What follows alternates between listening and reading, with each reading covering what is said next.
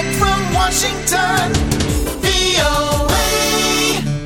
Halo apa kabar? Kali ini bersama Dania Iman dari VOA di Washington DC. Aktris Jodie Foster belum lama ini meraih penghargaan bintang di Hollywood Walk of Fame di Los Angeles, California atas prestasinya di dunia film. Hadir di upacara penganugerahan bintang tersebut adalah aktris Kristen Stewart yang pertama kali bertemu dengan Jodie Foster saat syuting bersama pada tahun 2002 untuk film bertema thriller yang berjudul Panic Room. Kristen mengaku ia sangat mengidolakan aktris pemenang Oscar ini sejak kecil. I watched Taxi Driver when I was far too young to watch it. And I know this because I was already saying that Jodie Foster was my favorite actress before I was cast as her daughter in a movie called Panic Room when I was 10.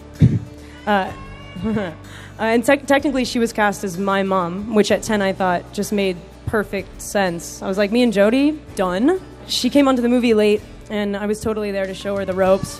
She was my first adult friend that was mine. Kristen Stewart yang pertama kali bermain bersama Jodie Foster saat berumur 10 tahun mengatakan waktu ia masih kecil dulu, ia pernah menonton salah satu film Jodie yang sangat ikonik yaitu Taxi Driver. Menurut Kristen, Jodie adalah sosok yang hebat. Selain adalah alumni dari universitas prestisius Yale University di Amerika, Jodie juga pernah menang Oscar dan dia adalah seorang sineas. Di samping itu, Jodie adalah sosok yang baik hati. She's a baller on every level. It's out of control. She did everything young. She kicked Yale's ass. She won Oscars. She became a filmmaker herself. She created a family and still is just normal and cool and kind. Uh, she got a mariachi band to play at my 11th birthday party, which I thought was very, very nice. She's always encompassed what I thought was sort of the prime example of where you want to be, and she's been there for me.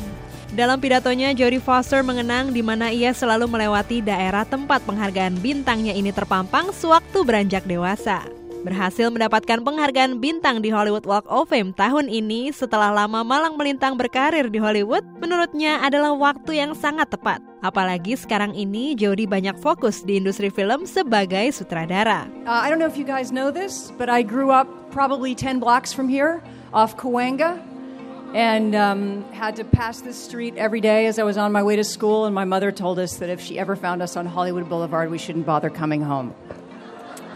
Uh, but we loved it, and um, it still has all of that excitement that it did as a child. Um, the star ceremony, something that I've always thought of and dreamed of.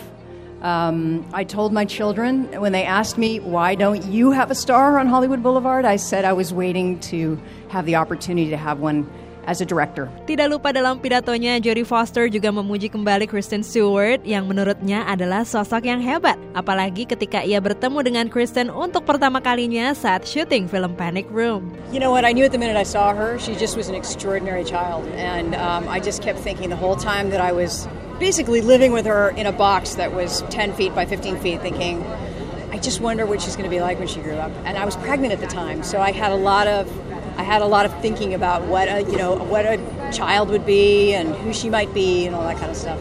Exceeded your expectations? she has. She's lovely and um, so supportive.